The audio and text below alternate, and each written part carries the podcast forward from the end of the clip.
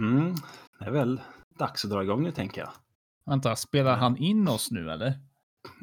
Uh, Vänta, uh, Craig. Har du... Ja, du. Uh, introt, kör! This is the concept of The concept as such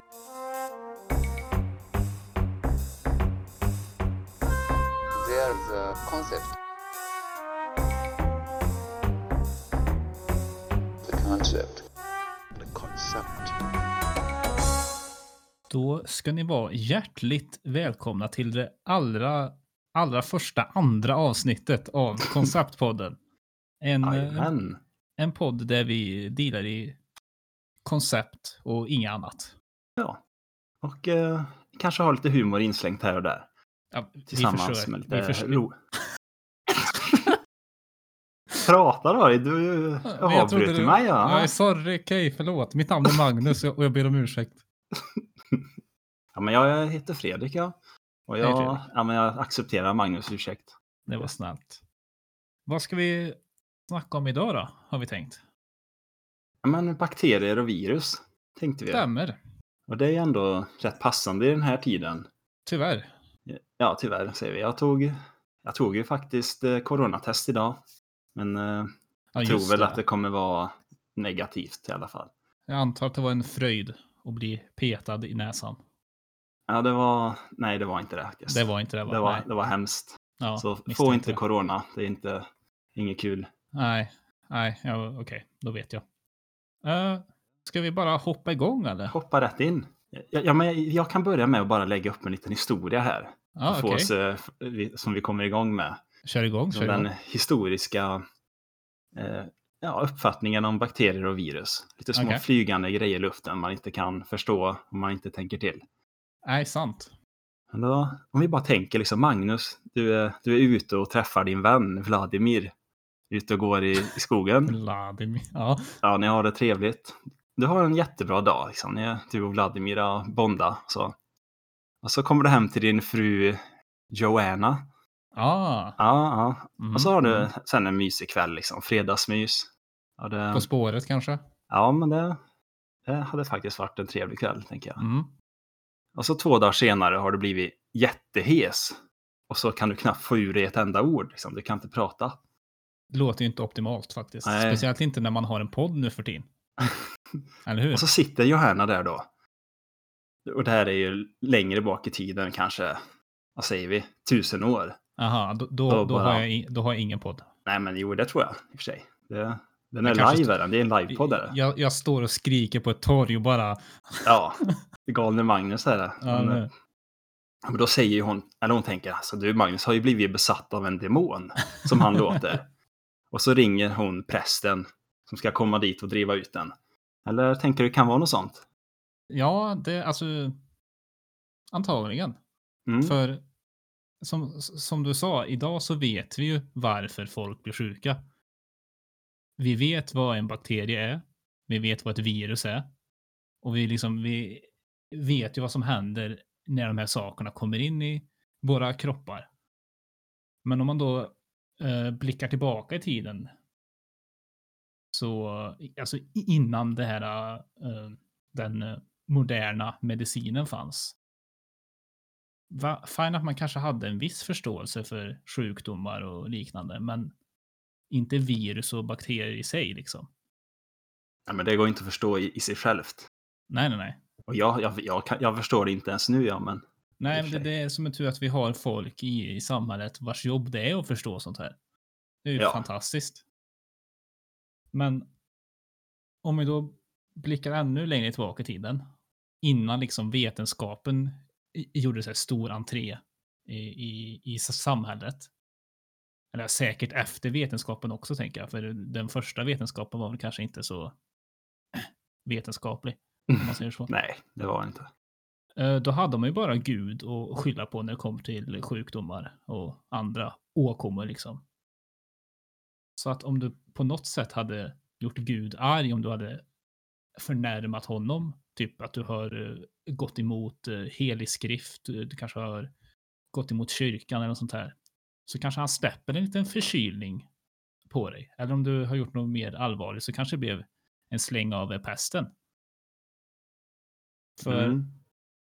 just eh, pesten, eh, det är ett ganska bra exempel här tycker jag. eh, att lyfta så här i början. Eh, digerdöden som jag tror är den dödligaste pandemin som någonsin har dok- dokumenterats i mänsklig historia. Jag tror att nästan varenda person i Europa hade digerdöden eller var smittad av bakterien. Och det var ungefär var tredje som strök med och, och dog. Ja, det är sjukt det. Det är riktigt Det är, det är många människor det. Det är upp till två miljoner. Nej.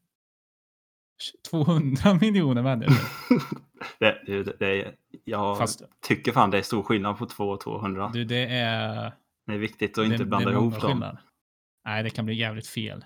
Ja. Så för att tydliggöra, det var 200 miljoner. 200 miljoner max. Sen så Ja. fanns väl en, en del som sa att det var så här en 75. En jävla struntsiffra, eller hur? 75 Ja. miljoner bara. Men oavsett hur många det var som dog, alltså det jag vill ha sagt med det här är egentligen att även om vi nu sitter ju inte vi inne på alla detaljer kring just digerdöden, för det var ju som sagt för 700 år sedan. Eh, men vi vet ju om att det var en bakterie som spreds. Vi har liksom en förklaring. Men om man då går på det här som på, man kanske tänkte på 1300-talet, att det var Gud som låg bakom allt. Då måste man ju samtidigt ha trott att, att man har gjort något fruktansvärt för att han ska bli så pass arg att sprida en så dödlig sjukdom till så många människor. Ja, verkligen. De måste ju trott att det var Ragnarök, eller vad man ska säga. Ja, men för då måste ju liksom, det räcker ju inte att Gunnar har, jag inte, varit otrogen mot sin fru. Då måste ju liksom halva jordens befolkning ha varit otrogen mot sin fru för att Gud ska bli så arg, ungefär. Ja. ja, men det var väl kanske en sån grej som gjorde att folk tänkte, ja men eh, nu, om Gud verkligen finns, varför gör han så här mot oss? Ja, eller hur? Och eh, kanske började stöta bort eh, kristendomen eller Gud och så.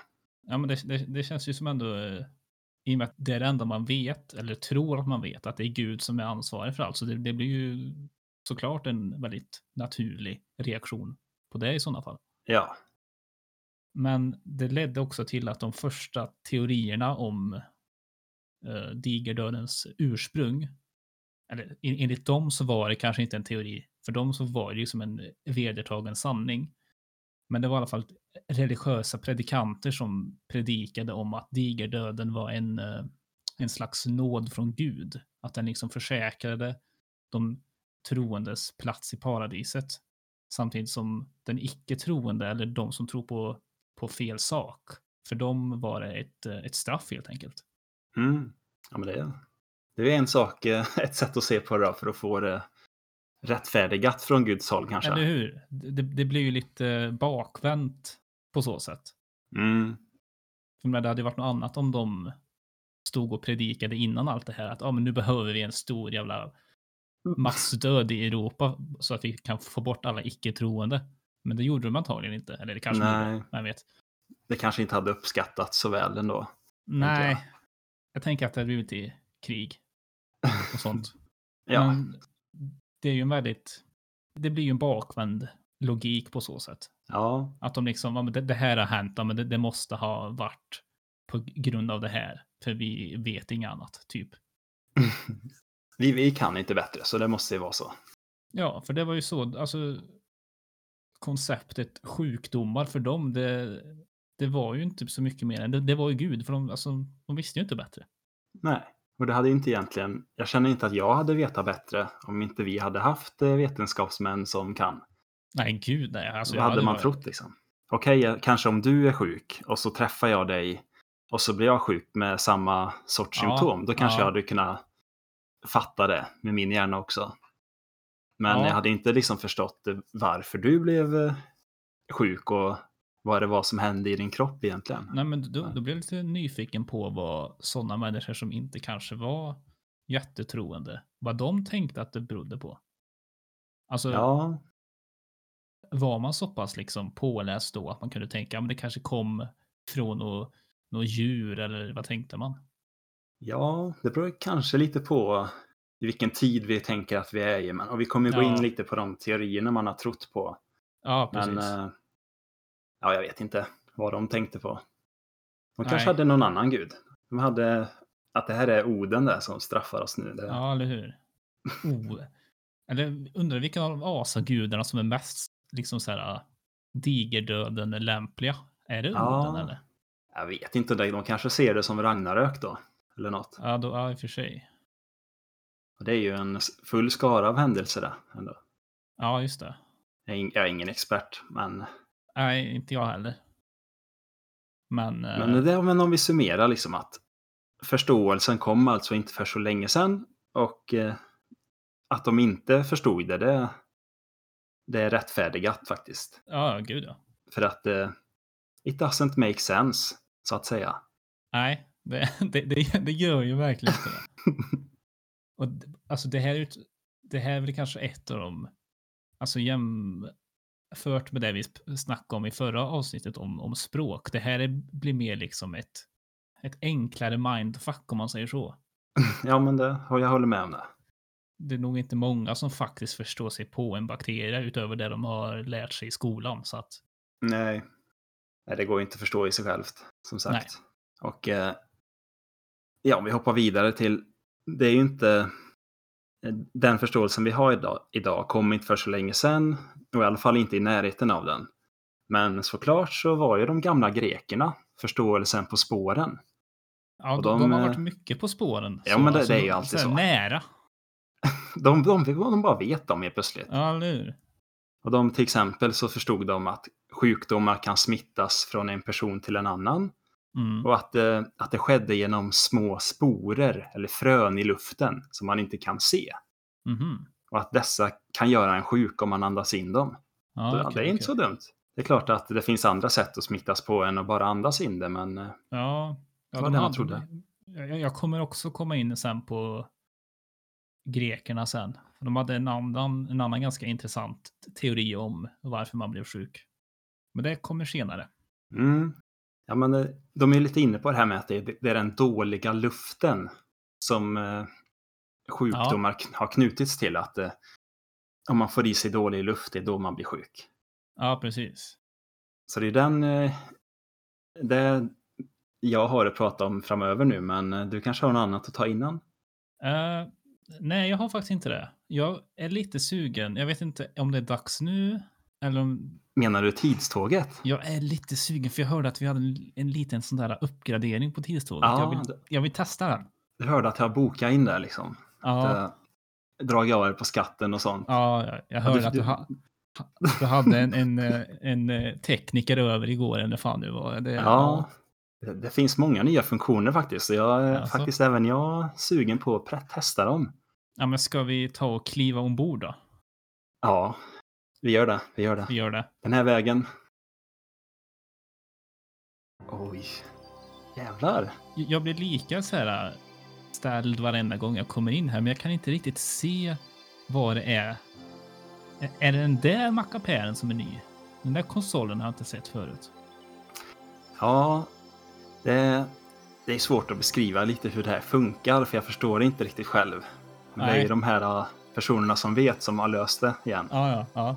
Det är liksom inte till för oss att förstå hur. Nej, men gud nej. Vi ska bara använda det. ja, jag vet ju hur man knappar in det sen i alla fall. Ja. Men nu kommer det ju funka som så att eh, den här gången då kommer vi liksom få sättas in i två personer i Va? den här eh, perioden som vi ska åka till. Skämtar Och du så, eller? vi kommer inte vara Fredrik och Magnus, utan vi liksom kommer ju tänka och säga precis de sakerna som de vi är i, hjärnan hos. Det, men kommer vi komma ihåg det här sen då, när vi åker hem så att vi liksom kan dra nytta Ja. av det?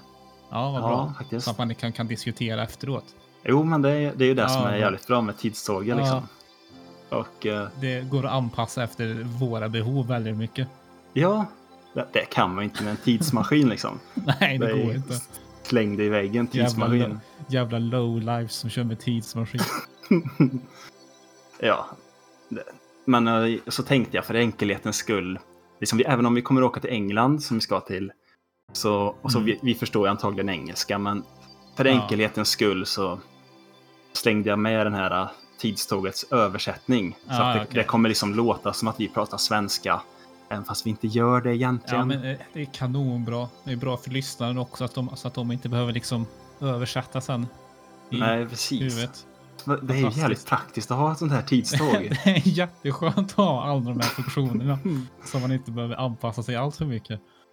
Ja, och så kan man egentligen passa på att säga nu att även om vi kommer prata om eh, saker som kanske ja, låter lite riktiga och så, så är det ju egentligen en fiktiv historia det här just nu.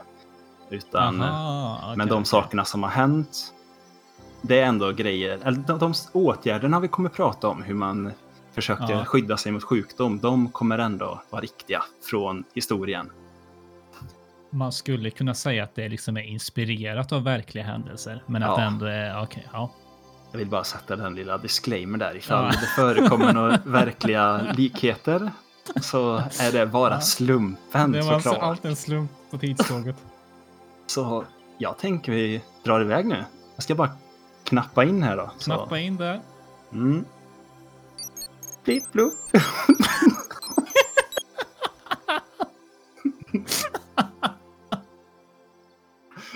Okej, men nu kör vi då. Är du med? Ja, då kör vi. Ja. Ah!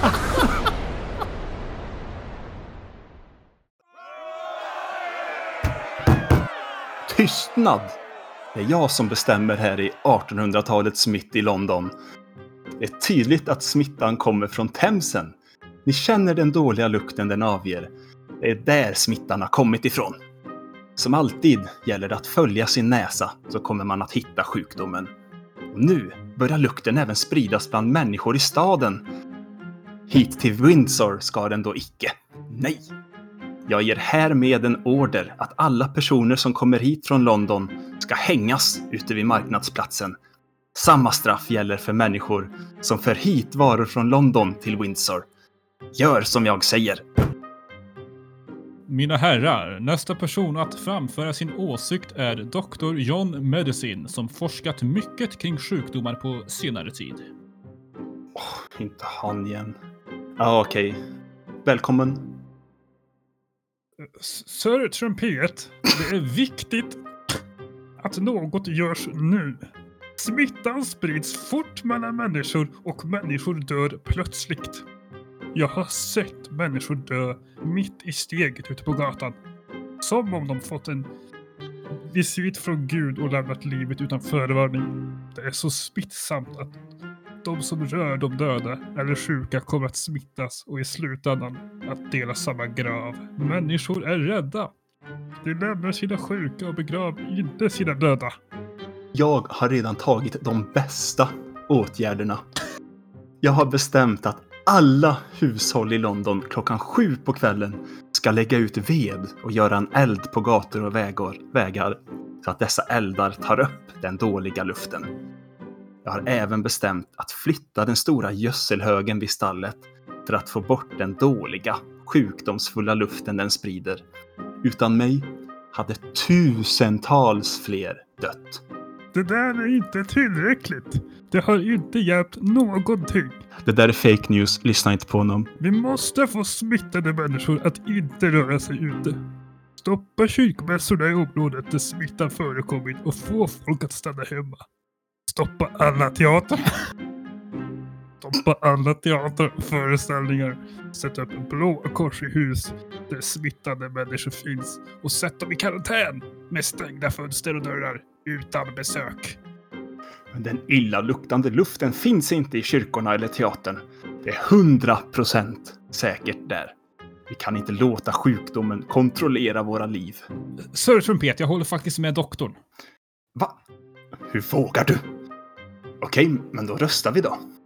Okej, fem personer för Dr. Medicins förslag och en emot. Aldrig! Ni har fuskat! Räkna om! Nej, det stämmer. Fem röster mot en. Verkställ doktorns förslag. Det är röstfusk! Räknar vi riktiga röster vinner jag. Jag tänker aldrig gå med på detta. Aldrig! Ah!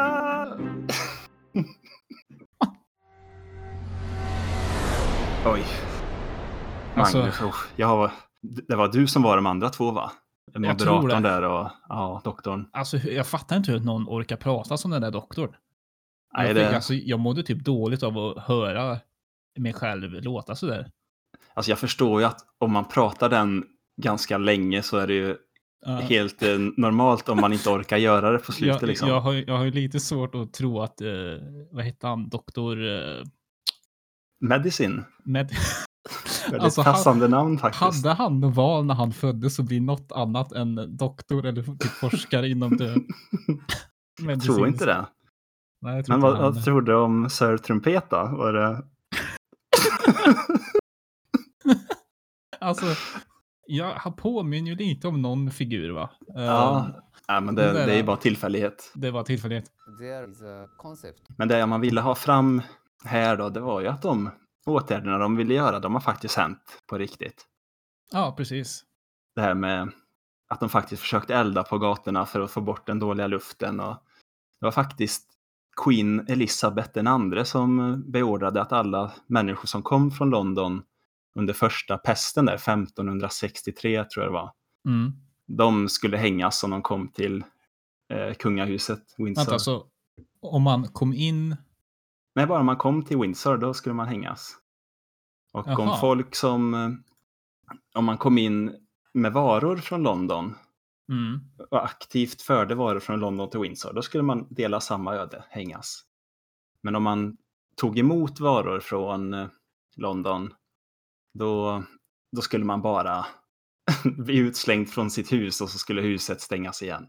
Alltså det är ju, det är ju väldigt så här hårdragna gränser. Alltså, Ja, jag har inte fått, sett några siffror på om det var, faktiskt var några som fick sätta livet till, men Tänk om eh, Stefan Löfven hade haft samma gränsdragning nu med Sveriges coronastrategi.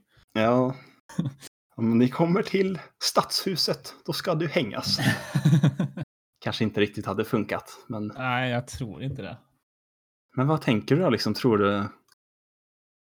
Ja, men Dr. Medicine verkar i alla fall veta vad han pratar om och det är ganska smarta idéer han Ja, hade. han, han hade någonting. Jag vet, vi får ju se sen, eller vi får se. Jag är osäker på, jag var så inne i det han sa, så jag, ifall saker inte hördes riktigt så var han nog bara så himla excited för att han, han var nog ganska förbannad på den här trumpet, eller vad det nu hette. ja, Trumpet hette han till och med. Som, ja. ja, men han, han hade, tyckte att han hade satt in de bästa åtgärderna, Trump. ja, eller hur? Ja, trumpeterna. Ja, det var exakt. Det, hade- ja. det här med blåa kors på husen, det tyckte jag ändå var en bra idé. Det var väl det man gjorde under pesten där. Ja, jag tror att de har kört den förut faktiskt. Alltså Ja. under någon annan, för jag känner igen det. Då var det inte blåa kors just, men det var. Jag tror det var vita kors någonstans. Jag Mm. minns inte vart dock, men. Ja, men det är ju så man kan tänka att man håller en smitta begränsad. Och det, Ja, stänga kyrkmässorna i områden där smittan förekommit. En bra idé. ja, eller hur? Stoppa teatrar, föreställningar, men det är lite som vi gör nu i och för sig. Ja, just det. SF har ju. Det är väl ändå det närmaste vi har på, eh, alltså.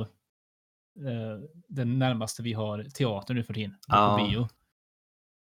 Jag tycker om det här med skulle, om vi hade tagit till den metoden nu och sätta upp ett blått kors där alla hushåll med corona liksom. Eh, jag tror nog att det hade räknats som typ.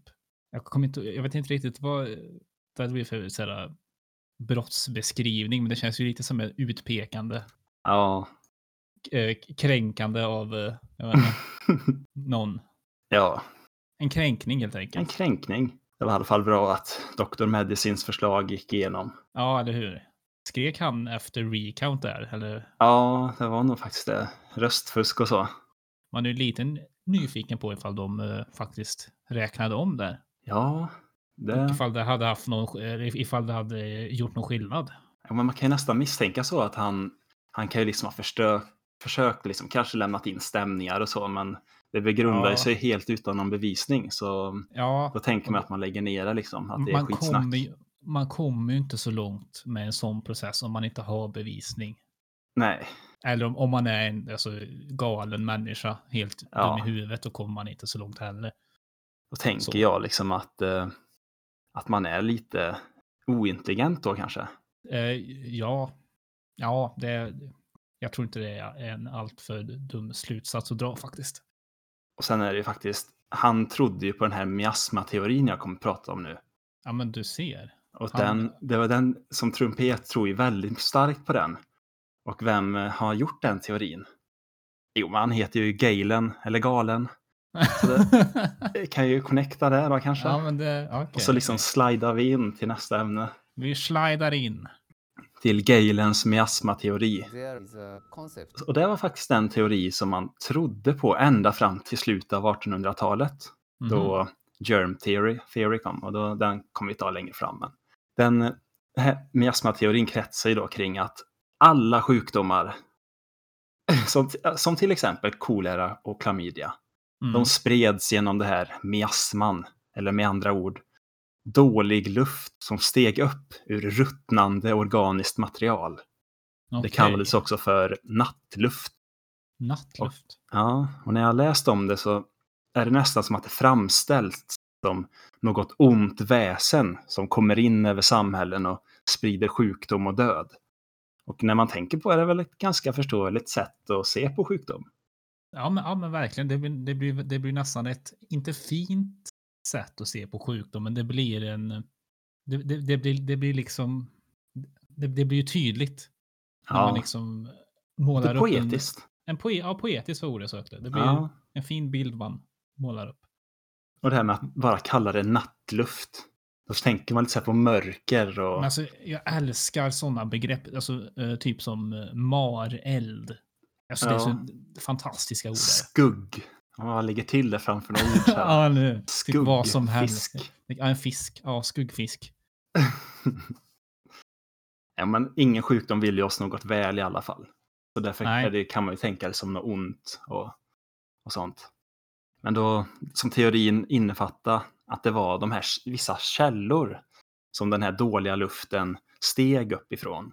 Okej. Så det, så det kunde ju vara, ja men, att det luktade skit från eh, Themsen.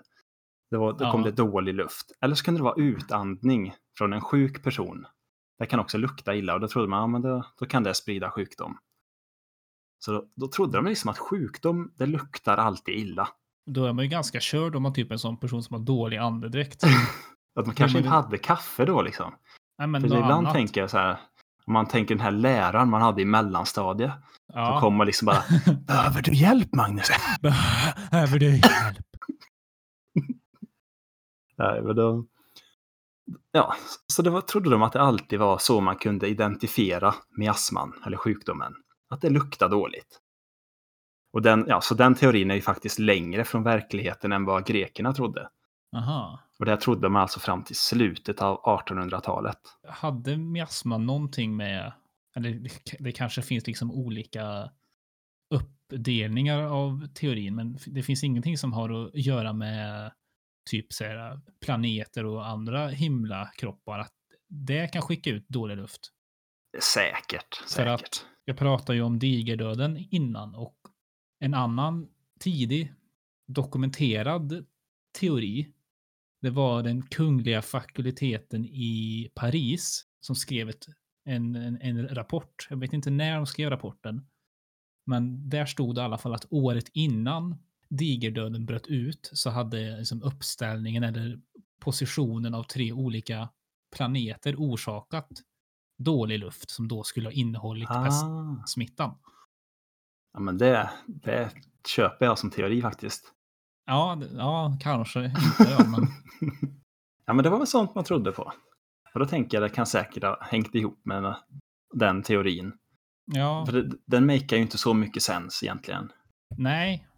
Alltså, Både ja och nej, men ja precis, för själva grundtanken om att saker som är saker som är sjuka, eller saker som är, som är dåligt kan liksom skicka ut partiklar som också är sjuka eller dåliga och, Ja. och liksom på så sätt föra över det. Det är ju det är ingen orimlig slutsats om man inte vet bättre. Nej, men om vi tänker det. Om vi tar djurvärlden som ett exempel. Så kan ju de lukta väldigt bra med sin näsa. Och då är ju ofta de kanske luktar på en köttbit. Kan jag äta den? Nej, den luktar då- dåligt. Ja, men då är det något Mm. fel på den. Då ska han bort. Kan Ja, jag dricka det här vattnet? Ja, men det luktar dåligt. Ja, då dricker jag det inte. Så kanske just eh, biologiskt sett från människans håll så kanske det är ja, dålig lukt. Då ska du hålla dig undan från det. Då är Ja. det fy, bort. Ja, dåligt. ja, ja. Så det, ja, det märker ju väl sens då, om vi ska säga så. Men det, det blir det blir också någon slags här, äh, psykologiskt över det också. Alltså, Ja, det, det är klart att man förknippar någonting som luktar illa, men någonting som är illa. Ja, Så vidare, eller ja, det är klart det finns undantag. Menar, Folk kan väl säkert tycka om surströmming, men det finns väl ingen som uppskattar lukten av surströmming. det tror jag faktiskt inte. Det, Det, det, Nej. det, känns, det känns fysiskt omöjligt att uppskatta den lukten. ja. Så, ja men en fun fact från miasman då, teorin. Mm. Det var till exempel att folk trodde att man kunde bli överviktig genom att lukta på för mycket mat. Va? Ja. Så då tänker Ja, jag, antingen så är det ju fel då, eller så hade de jävligt kraftfulla näsborrar förr i tiden. Och bara liksom Alltså, drog till och så bara sögs det in grädde liksom, eller någonting. vad jobbigt. Sökt in grädd. Så blev man tjock sen. Ja, det vet jag inte. Alltså, fatta vad jobbigt att typ om du går på stan och så råkar du gå förbi typ en konditor eller någonting och så bara luktar det fantastiskt med så här kanelbullar och andra bakverk. Oh. Men du tänker inte på att du går förbi. Men sen så märker du att efter att ha gått ett par meter så bara, men fan, vart kom den här kaggen ifrån? Så bara kollar du bakom dig, aha, Fan också. fan. Men eh, idag i alla fall, då ses inte miasmateorin som en vetenskaplig teori. Nej, Den har man kastat åt skogen. det har blivit en re- relik. Ja. Och Men det, då- det, det förstår jag varför, men Ja, men jag antar att det är från den eran som de här, äh, vad heter de? Plague Doctors, äh, de här med- maskerna, du vet. ja, ja, precis. Det, det går ju lite i linje med hur liksom, äh, det är ju lite så här, jag vet inte hur jag ska beskriva det, men det, är- det, det är lite hårdrock över det. Alltså Ja, det, men det är lite metal att säga, men åh, här har vi en, här har vi liksom eh, lukt som kan förkroppsligas som ett, typ en ond demon som kan göra folk tjocka och så har vi någon läkare med någon lordimask på sig som ska stå och bekämpa detta. Ja, Det är ganska coolt egentligen. rätt coolt. Hade faktiskt passat med en låt som handlar liksom om nattluft som kommer in under natten och blir Ja. död. Natt, alltså bra namn på ett hårdrocksband, Nattluft. Ja, faktiskt. Jävla vi nice. ta det Vi kanske? tar det taget. Vi skriver upp och gör ett band nu. Och vi, vi gör bara låtar om miasma. Ja, Inget annat. och Sir Trumpet kanske vi kan ha med. Han kan vara med. Jag tror, jag tror inte vi vill ha eh, eh, Doktor Medicin eh, som eh, lead singer i alla fall. Jag tror Nej, inte han klarar den. då, det blir inte så roliga låtar tror jag. De är ganska samma tonnivå hela tiden kanske. Ja, jag tror det. Jävligt jobbigt att sjunga Ja, gud ja. det är verkligen. man kan ju nästan tro att det är någon annan som har hittat på den rösten. ja, det, det är nästan som man kan tro att ingen någonsin skulle prata så naturligt. Men ja, det kan man ju tycka, det kan man ju Ja. tycka olika om. Ja, vi kan nog hoppa vidare. Till, Vi du kanske vidare. har något... Jag hade en annan, en eh, slags medicin eller en teori. Eh, heroisk medicin. Ja, men den. Det gillar jag att höra. Det, Det låter heroiskt liksom, Det mäktigt. gör det. Eh, också kallat för heroic depletion theory, alltså en, en teori som går ut på att man tömmer. Och nu sitter ju du här Fredrik och undrar, men varför är den heroisk då? Varför tycker jag att den här låter så jävla nice? Ja, Jag kan säga så här att eh, jag skulle inte kalla den heroisk. Såvida man inte anser att saker som åderlåtning, rensning och framkallande av extrema svettningar är eller låter heroiskt. Jag ska förklara de här lite djupare. men jag tänker det är det enda sättet man får folk att gå med på det. Liksom, Vadå, man kan inte det- säga liksom, vill du vara med på att jag tömmer ditt blod? Men, eller, då säger man bara, Nej, men, nej. vill du ta del av heroisin? Alltså alla män med så här, halvstort ego eller vad lätt, fan vad nice, det passar mig. Där har vi det tror jag. There is a concept Okej, åderlåtning, det innebär alltså att du öppnar upp kroppen eller venerna på ett eller annat sätt så att du får ut blod från din patient. Eh, och tanken var då att eh, det som gjorde personen sjuk skulle vara i blodet. Så då ville man ju såklart öppna upp och tappa lite blod så att säga. Mm, det, det tycker jag ändå make sense. Liksom. Ja, men det gör ju det. I alla fall, alltså, som sagt, man får ju tänka att det var medeltiden. Då är det ju extremt rimligt att Alltså, de, de vet ju inte något bättre. Nej. Så då bara, men vi, vi, vi skär upp han, han blir frisk, pang bom, han kan gå tillbaka och baka bröd på måndag, inga problem. Ja. Men jag tänker då var väl det liksom en spruta i armen som sög ur blodet på säkert bra sätt. Liksom. Ja, eh, nja, det fanns väl, alltså det finns en metod som man kanske kan beskriva som mild och det är ju blodiglarna. Hmm. Och att den är mild i sammanhanget är ju för att allt annat var ju, men det, det var ju knivar och det var ju, alltså det var ju inget, det, det var ingen finkänslighet i ingreppen om man säger så då. Men var det heroiskt? Ja, men jag antar att det blir väl typ en definitionsfråga. Ja. Tycker du det är heroiskt att bli uppskuren och tappad på blod för att du har feber? Ja, men det är väl varm. liksom många hjältar som har fått det genom åren. Krigshjältar liksom. Kanske har blivit uppskurna sådär. Då. Den enda jag vet som fick genomgå heroisk medicin är George Washington. Den enda jag vet. Hmm. Men han är, han är en cool kille ändå. Eller Ja, var. han är jävligt cool. Trätänder och hela köret. Ja. Men hur mycket blod tog man alltså? Det, det var det, exakt det jag skulle komma till. Ah, Perfekt ah, att du sa det. Fantastisk övergång. Bra jobbat Fredrik. Eh, ibland så tappade man upp till 80% av eh, patientens blod. 80 procent. Då tänker jag, hur- mycket av patienten finns det kvar? Om man ta- om- om man ja, liksom- vänta. Får tänka lite här. Vi har 100, Vi har det är 100. allt. Och så 80. Ja, men Då är, ju- alltså det, är, det, är, det är minst 10 procent kvar. jag, har- jag har inte tid att ta fram miniräknaren så vi avrundar till 14-15. Ja. Sånt där. Ja, men minst 15 procent. Ja, Där, där, och- där har vi det. det. Det är det närmaste vi kan komma. Och grejen är att även med en, en siffra som kanske hade, hade varit fel här, men säg om de på något sätt hade gjort så att det var 20 procent av blodet kvar. Ja, men det är stor skillnad det. Det är stor skillnad. 15, ja. ja. Ja. Hur- mycket patient finns det kvar? Alltså, man överlever inte det? Eller? Nej, det känns inte så. För det, När man ger blod så tar man väl liksom max en liter. Ja, det är ingen aning. Hur många liter har man liksom i kroppen? Jag Jag tror det, det är typ sex, så då får vi tänka hur många procent det är. Ah. En, en liter av sex, det är ju, alltså, det är ju typ hälften. Det är någonstans runt hälften plus minus så att säga. There is a concept Ja, eh, sen så hade vi även rensning eh, och det, det är självöversatt. De kallar det för purging. Eh, innebär Mm. att man eh, försöker få sin patient att kräkas eller att spy så att det onda kommer ut. Ah, Jag vet inte. Alltså det, det, det är ju helt i linje med åderlåtning. Men jag vet, jag har ingen aning om hur.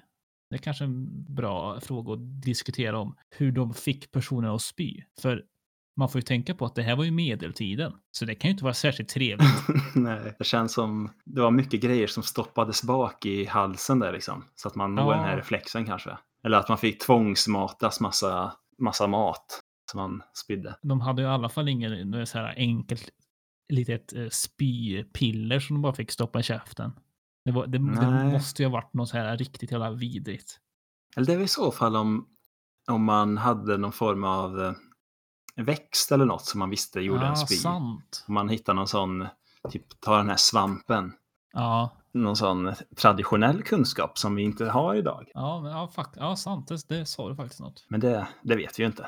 Det vet jag inte. Det är helt spekulativt detta. Sen hade vi ju även extremt svettande.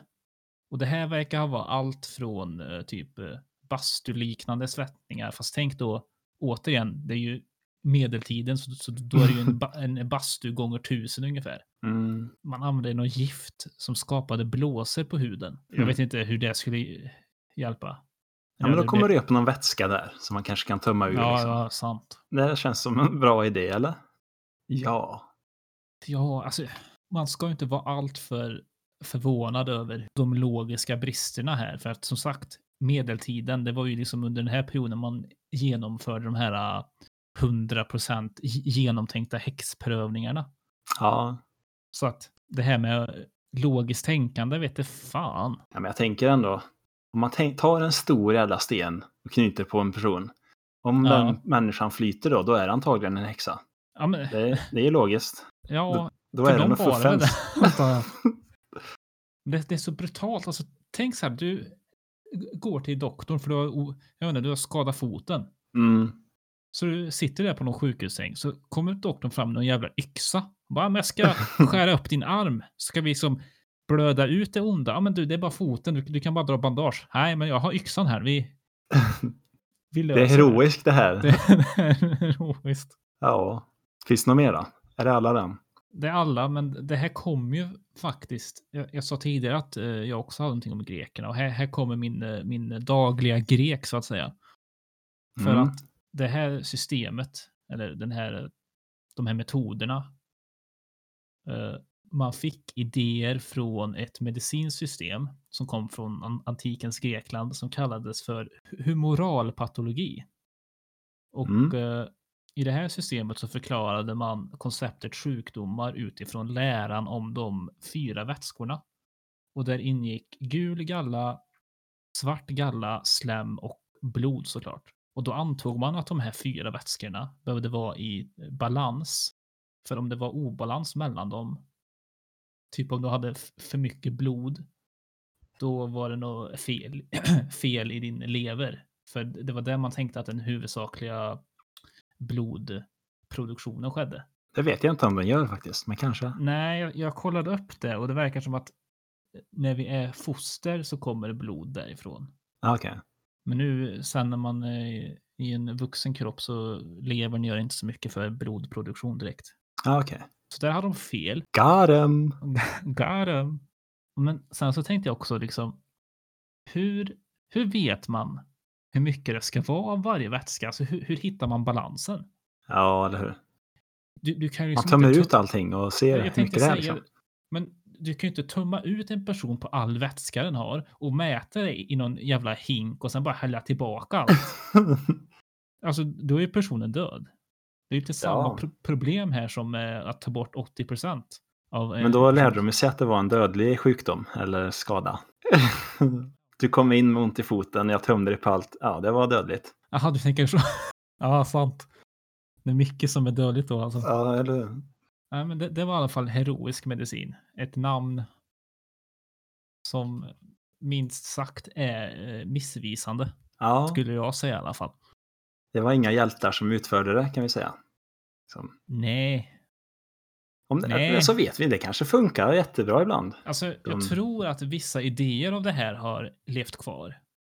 Alltså typ, jag vet inte något specifikt, men jag såg någonstans någonting om att eh, saker som har inspirerats av här, den här rensande grejen, att liksom få ut det onda, det, det finns kvar i liten skala i någon form av medicin. Jag vet, jag vet inte vart riktigt. Men det är väl någon sjukdom nu. Det kan vara någonting jag bara sett i någon film eller något. Men där personerna rensar sitt blod, att de liksom tömmer ut det i någon maskin. Och så vet jag inte riktigt vad maskinen sållar ut för dåligt. Ah. Men så renar de det så kommer blodet in igen. Men det, inte, det känner jag också igen. ja, det är väl någon sjukdom som, som gör att man måste gå in och rensa sitt blod. Liksom. Ja, jag vet inte vad det kan vara, men jag- det, det låter ju bekant och det låter ju antagligen med eh, dagens mer moderna eh, sjukhusutrustning lite mer eh, humant om man säger så. Ja, eller hur? För jag sitter, jag sitter ju här i en sån stol. Alltså, nu, kanske, nu, nu kanske jag som är helt sjuk i hu- huvudet, vad vet jag, men jag sitter faktiskt hellre i en sån stol med inte en slang än att det kommer en sjuk jävla doktor med en yxa och ska bota min huvudvärk med, Smärta. ja, Oh, jag håller med dig faktiskt. Jag tar sjukhussängen också. jag gör faktiskt det. There is a concept Så det var heroisk medicin. Det var heroisk medicin. Ja, men det, om vi går tillbaka liksom lite till de grundläggande tankarna om hur man kunde hjälpa människor som var sjuka. Då Ja, har vi den där traditionella kunskapen med rötter och svampar. ja just det. Det kan nog faktiskt ha funnits ganska mycket man kan använda för att hjälpa. Jag, som inte alltså, vi vet längre. Men, jag tänker att det må ha, måste ha varit jättemycket sån kunskap som har gått förlorad liksom. ja. Och tänk alla gånger som folk har tvungit, satt livet till typ. Att, ja men ska vi se om den här svampen hjälper någonting? Ja, just. Käkar upp den och så, nej. Jag blev störtsjuk och dog. Nu, nu ska vi kalla det här för flugsvamp, för han dog som en jävla fluga. Ja, eller hur? Där är, har vi Där har vi det. Men ja, det är lite synd att vi har tappat all den kunskapen. För det kan nog finnas grejer som kan hjälpa oss där ute i, som är naturligt. Ja, säkert. Lite rötter och Lite flugsvamp och nej, ja, nej, inte flugsvamp kanske. Det vet vi inte. Kanske hjälper mot någonting. Undrar hur ofta folk faktiskt provar, provar att äta flugsvamp.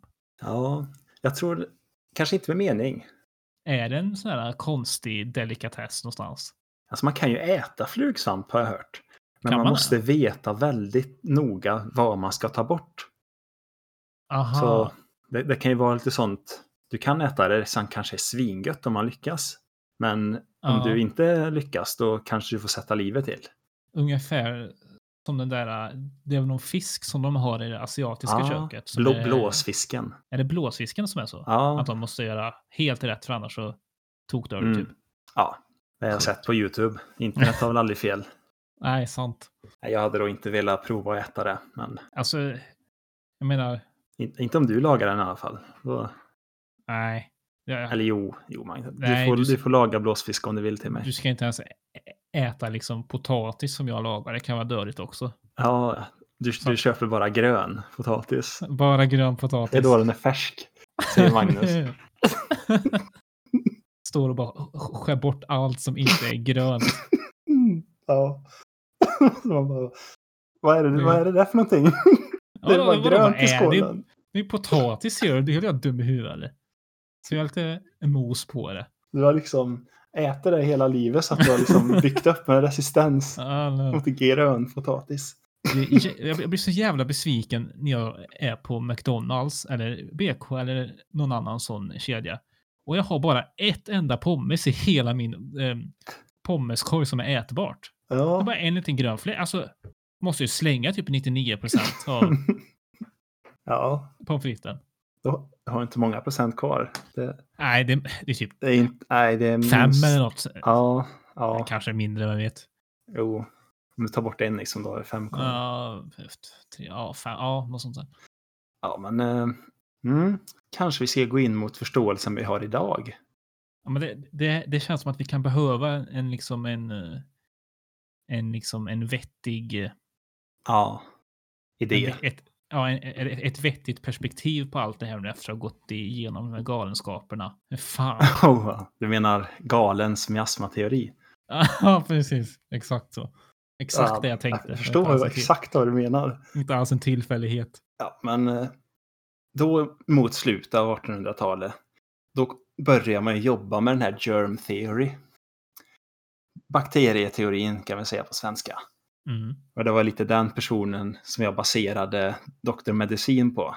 Han hette John Snow, faktiskt, med H. Jon Snow alltså. Och han eh, började då mixa lite med... Ja, han hade olika provrör som han fyllde med vatten. Och så var det en lite lo- längre glaspip, eller vad man ska säga. Så Ja. att eh, det kunde tillföras luft in. Men den var ändå sluten för att den var så lång. Ja, så okej, då, okej. Och då hittar man ju att ja, men det är inte i luften som bakterierna finns. Eller det är inte därför man sjukdom skapas. För att Ja. han började koka upp vattnet så att alla bakterier i vattnet dog. Och sen så lät han dem sitta och såg om det började komma bakterier i vattnet. Och så provade han lite så här. Om man hade den helt öppen till världen, ja men då Ja. började det gro bakterier där i. Hade han den sluten, då kom det inga bakterier. Så då förstod han liksom att eh, det är inte just i luften bakterierna finns, utan de måste komma och landa i vattnet. Mm. Att de finns inte överallt i den dåliga luften, utan de måste in där. Ja, det är ju en slutsats som vem- som helst hade kommit fram till. Om jag säger det. Ja, det förstår jag. Men i början då liksom skrattar ju folk åt det här. Det här är ju dumhet, vi vet ju redan. Det är ju i luften det finns. Och de bara liksom slog bort det. Men så det tog eh, ett tag innan folk faktiskt började tro på det. Och det blev väl för att det togs fram, inte bara Jon Snow utan flera andra också. Hade bland annat eh, Louis Pastor och eh, Robert Dennis Koch. Baratheon, Ja, Lady Stark. ja, faktiskt. Tillsammans med Jon Snow där. Då. Ja, Jo, men precis. Ja, men till slut, då fick ju då miasmateorin svårt att hänga med germteorin så att säga. För att det kom så mycket nya bevis för germteorin. ah. ja men du, det, det man, historiskt sett så är det ju aldrig, folk tycker inte om alltid att liksom ändra åsikt efter tydlig bevisläggning. Mm. De sa liksom, vi tror på Galens miasmateori. liksom, det må vara en galen teori, men den Ja, tror vi på. Vi tror på den. ja. Make, make miasma great again. Och när tror du det första vaccinet kom då? Oj. Ja, vad kan det ha varit ett vaccin emot? Som, hmm. Jag säger typ eh, 30-talet. 1796. Va? Jajamän, jajamän. Vad var det för Det- vaccin då? Det var mot smittkoppor. Jaha. Och då eh, googlade lite bilder på smittkoppor och det var ju en hemsk sjukdom. Då fick man ju så här eh, massa utslag över kroppen som lämnade ärr om man överlevde. Aha. Men hade ganska hög dödlighet också. Ko- kom- Kolla inte riktigt hur många procent, men, Nej. men då var det i alla fall. Det var en dålig sjukdom som man ville bli av med. Och så insåg man att människor som har haft kokoppor, De fick- Kokoppor? de fick inte smittkoppor. Det var Vad liksom fan en...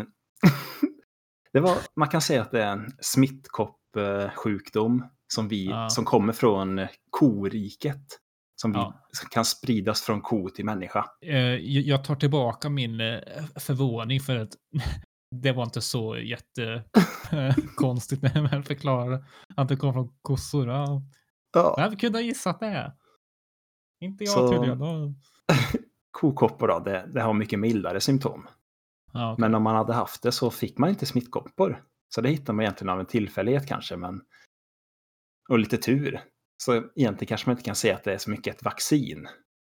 Men eh, då gjorde man helt enkelt så att ja, Magnus, du kom in här och hade gärna blivit eh, vaccinerad inom Mm. situationstecken mot eh, smittkoppor. Mm. Vad tror du jag hade gjort då liksom? Hur gjorde jag den här proceduren? Alltså, det beror på om, om du var en utövare av den he- heroiska fortfarande så hade du tagit fram yxan och bara börjat hugga. Men Ja. det kanske, eller? Ja, men det, det är lite åt det hållet ändå. Aha. Ja, Du börjar hugga jag- av dem. Jag tror, ja, Smittbölderna. Du bara sitt, sitt, sitt.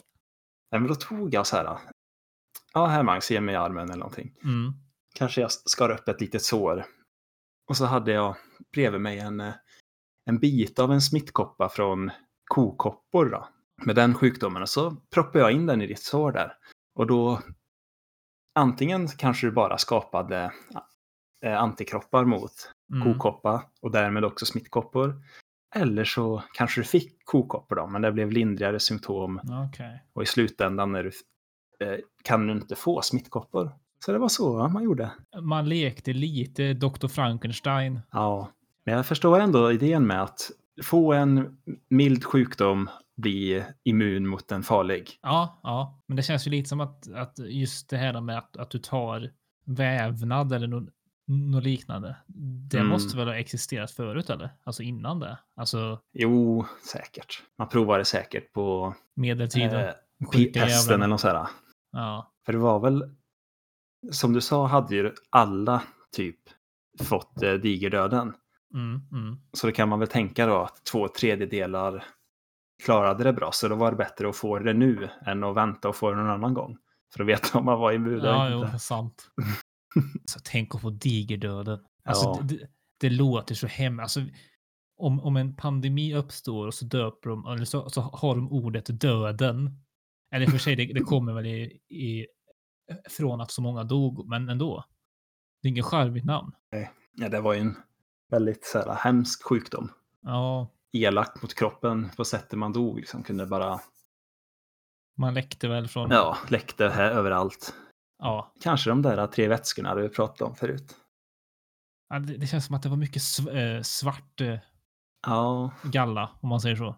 Det, det, det är den bilden jag har i huvudet. Det är de här svarta eh, bölderna på kroppen. ja, Jag tror inte att det var så riktigt. Jag tror att nu kanske vi pratar lite väl mycket om digerdöden här, men det är ganska in- intressant ämne. Eh, Det här med att det var råttor som var smittbärare.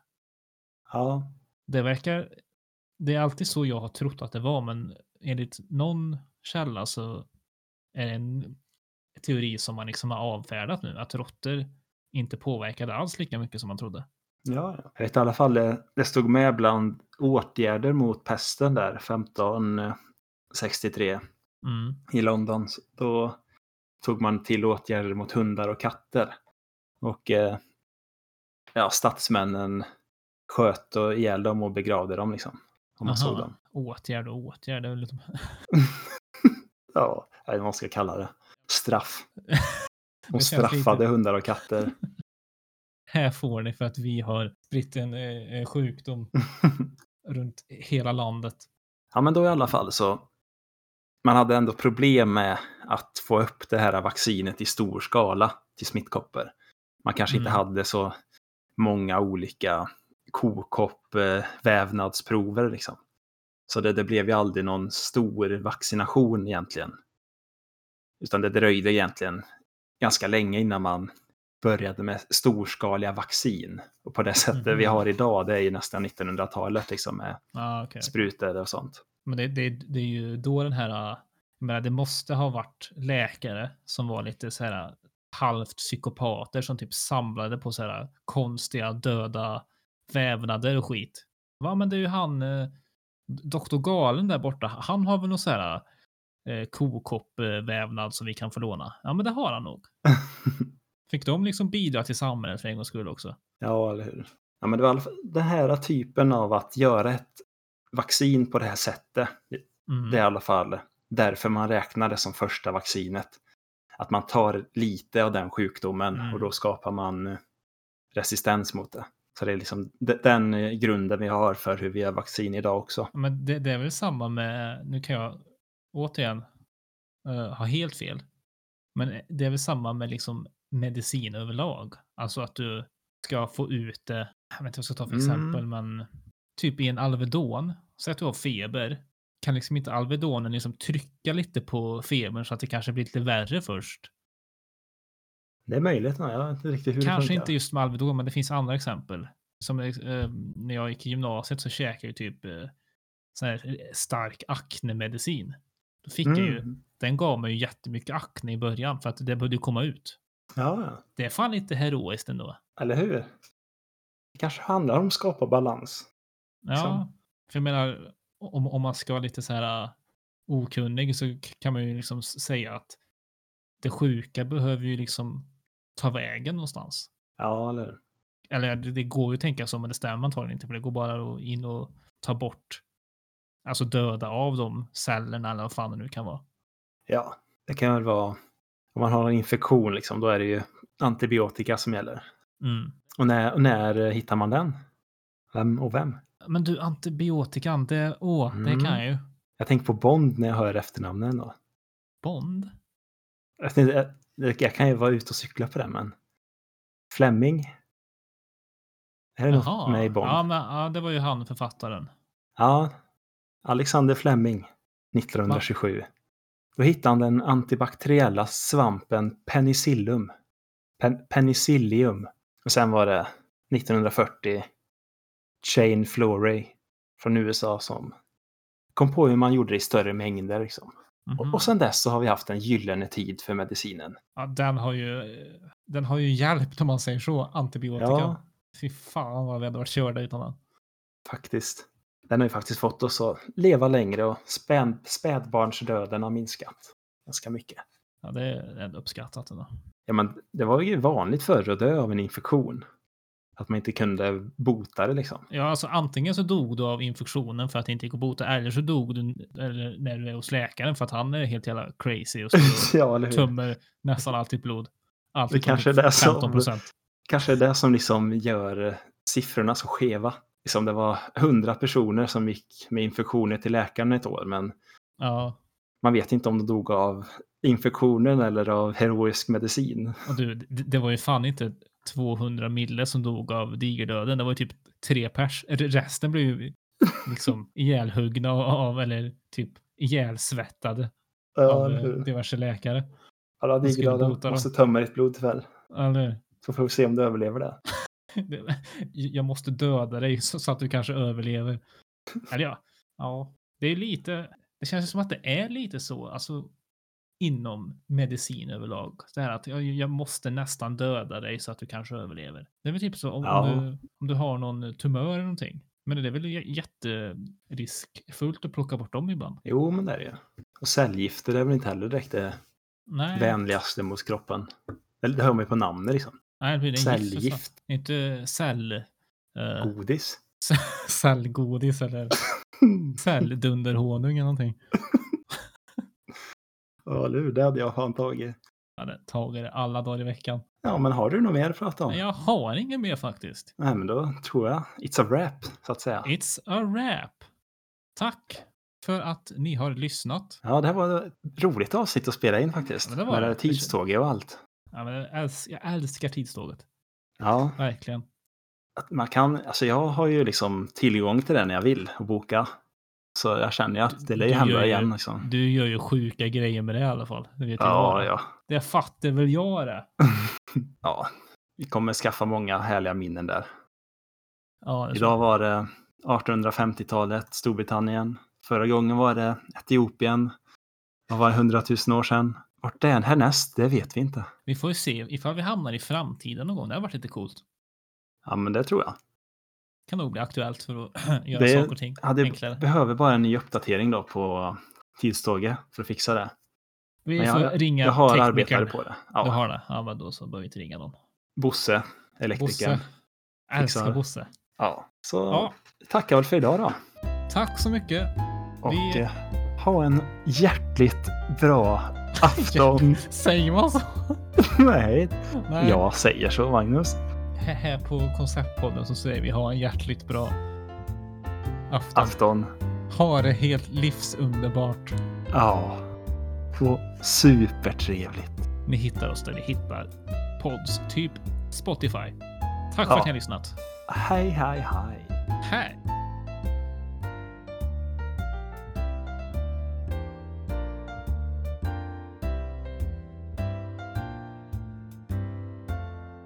Tagning fyra.